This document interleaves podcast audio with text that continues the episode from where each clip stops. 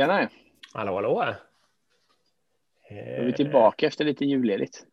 Just det, nyårsledigt. Ja. Tillbaka på det nya året.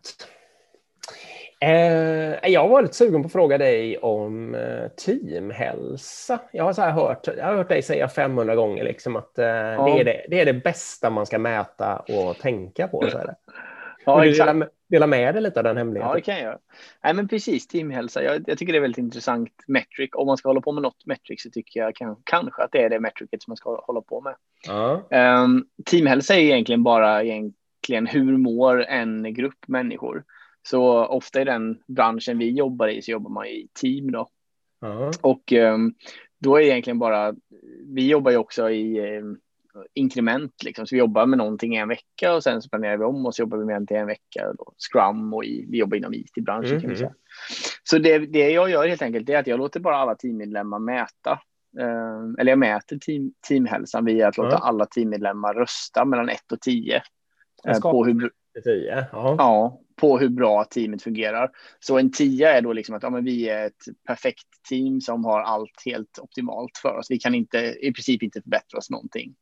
Medan eh, en etta är att vi är bara en människor, vi är bara massor med individer som inte har någonting med varandra att göra överhuvudtaget. Liksom. Vi jobbar på samma jobb, men inte mer än så. Vi har ingen ja, effekt av det. Liksom. Mm. Så det är väl definitionen, men det där kan vara olika definitioner på olika team. Det spelar inte så stor roll, men det, det brukar vara den allmängiltiga definitionen. Just det, men för dig är det alltså, eller för, så som du mäter det så är det just det hur bra teamet är som team betraktat. Exakt. Så om du hade sju stycken jätteglada individer som eh, gjorde stordåd var och en för sig så skulle de ändå ranka sig som etta om de fattade skalan ordentligt. Liksom. Ja, det är precis. så du menar. Mm. Ja, det är så jag menar. Jag vill ha den här 1 plus 1 är 3 effekten. Liksom. Det är ja. den jag vill mäta lite om vi når den eller inte. Och sen då så mäter vi det varje, varje fredag innan vi går hem för helg. Då.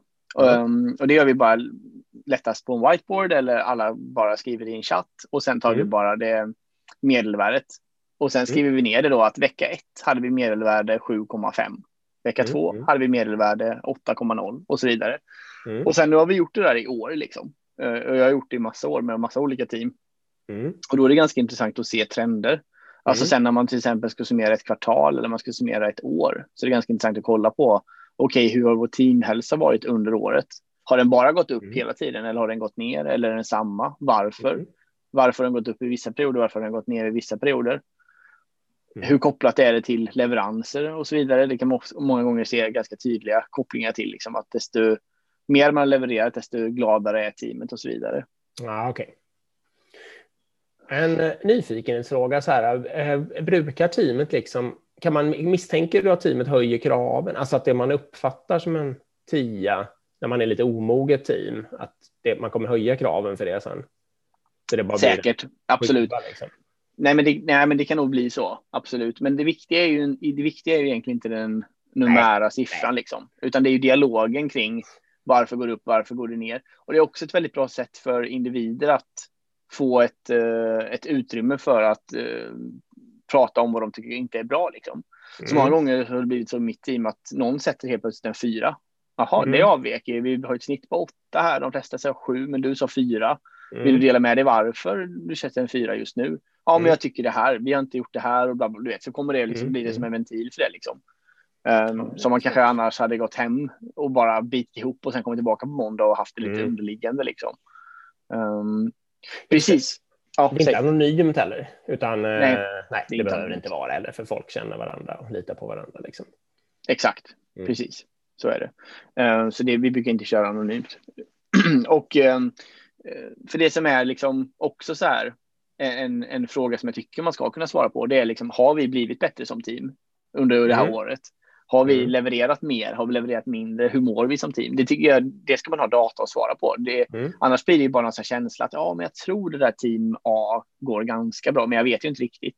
Mm. Alltså sådär. Det här är ganska bra att kunna ha den datan att ja, vi har förbättrat oss eller nej, vi ligger kvar på samma nivå eller ja, nej, vi, vi har gått neråt liksom mm. beroende på då Sen är det viktigt att man inte, att det här är, återigen, det här är ju ett, en siffra för teamet. För teamet. Att, mm. Ja, exakt, det är för teamet och för teamet enbart egentligen. Så det är ett, ett mätvärde för att de ska mm. kunna göra en analys.